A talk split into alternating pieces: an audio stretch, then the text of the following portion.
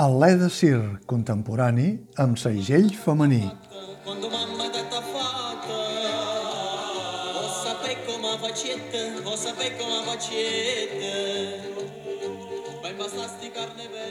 La Desdèmona de Shakespeare es va casar contra la voluntat del seu pare amb Otello, conegut de malnom com el Moro de Venècia. Desdèmona ha tingut poques oportunitats per donar la seva versió dels fets, i una de les oportunitats li ha concedit la pallassa, dramaturga, actriu, cantant, etc etc, Alba Serraute. I ho ha fet, esclar, a través de la disciplina que la caracteritza, el circ. Ella i les Ofèlies i una trup de les que fan enveja per la seva envergadura en els temps escènics que corren. Amb el personatge de Desdèmona com a protagonista, Alba Serraute tracta escènicament el tema de la violència de gènere. No és la primera vegada que s'acosta a una de les icones de l'imaginari shakespearià.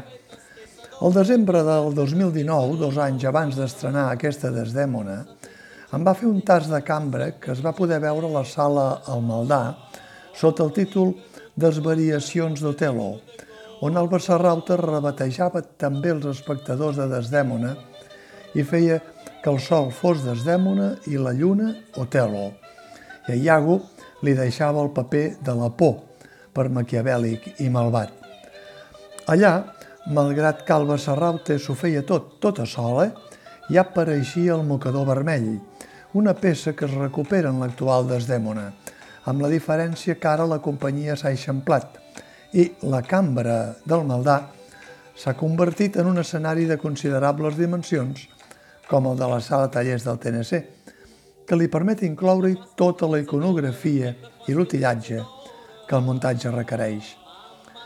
Alba Serrauta manté en un espectacle d'una hora justa la màgia de la fusió del teatre, la música i el circ.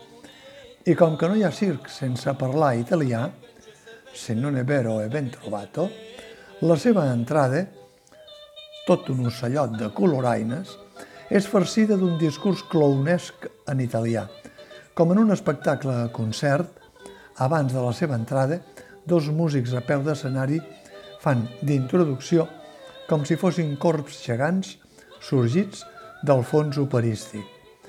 Més operístic encara, encara són els talons de fons que acabaran desmuntats, cametes avall, i la resta de personatges que van apareixent, a vegades disfressats amb màscares, com si fossin a l'esplanada de Sant Marco de Venècia.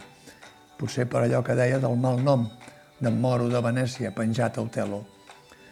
Tot transcorre en moments coreogràfics, un ball clàssic de puntes, si es pot dir així, de Desdèmona, una aproximació al flamenc, si es pot dir així, amb un cante hondo a la catalana que deixa el mascle com un drap brut, acrobàcies a l'ehop a l'espatlla, la perxa xinesa, l'escala d'equilibris, la roda sir i un esglaiador llançament de ganivets que encercla la víctima.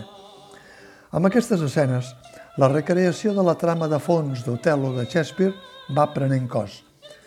Millor, és clar, per a aquells espectadors que coneixen la tragèdia d'Otelo, però igualment interpretable per a aquells que s'hi enfrontin de cap i de nou a través de la mirada entre tràgica i lúdica que Alba Serraute fa per denunciar un cas més de gelosia i de poder descontrolat de l'home sobre la dona. L'espectacle es tanca amb una nota d'humor, tal com toca una dramatúrgia que ve signada en bona part pel gènere del clown, amb les intèrprets bessones Anna i Berta Pasqual, que desvelen que de Desdèmona n'hi pot haver més d'una i que en el fons tot el que s'ha vist abans és pur teatre. Un pur teatre que les ha condemnat a elles dues a no poder dir ni piu i cara amb els llums oberts a tot drap, aprofiten per venjar-se'n. Vestimenta fora, de bracet i cap a casa, i sempre deixant un alè de circ contemporani amb segell femení.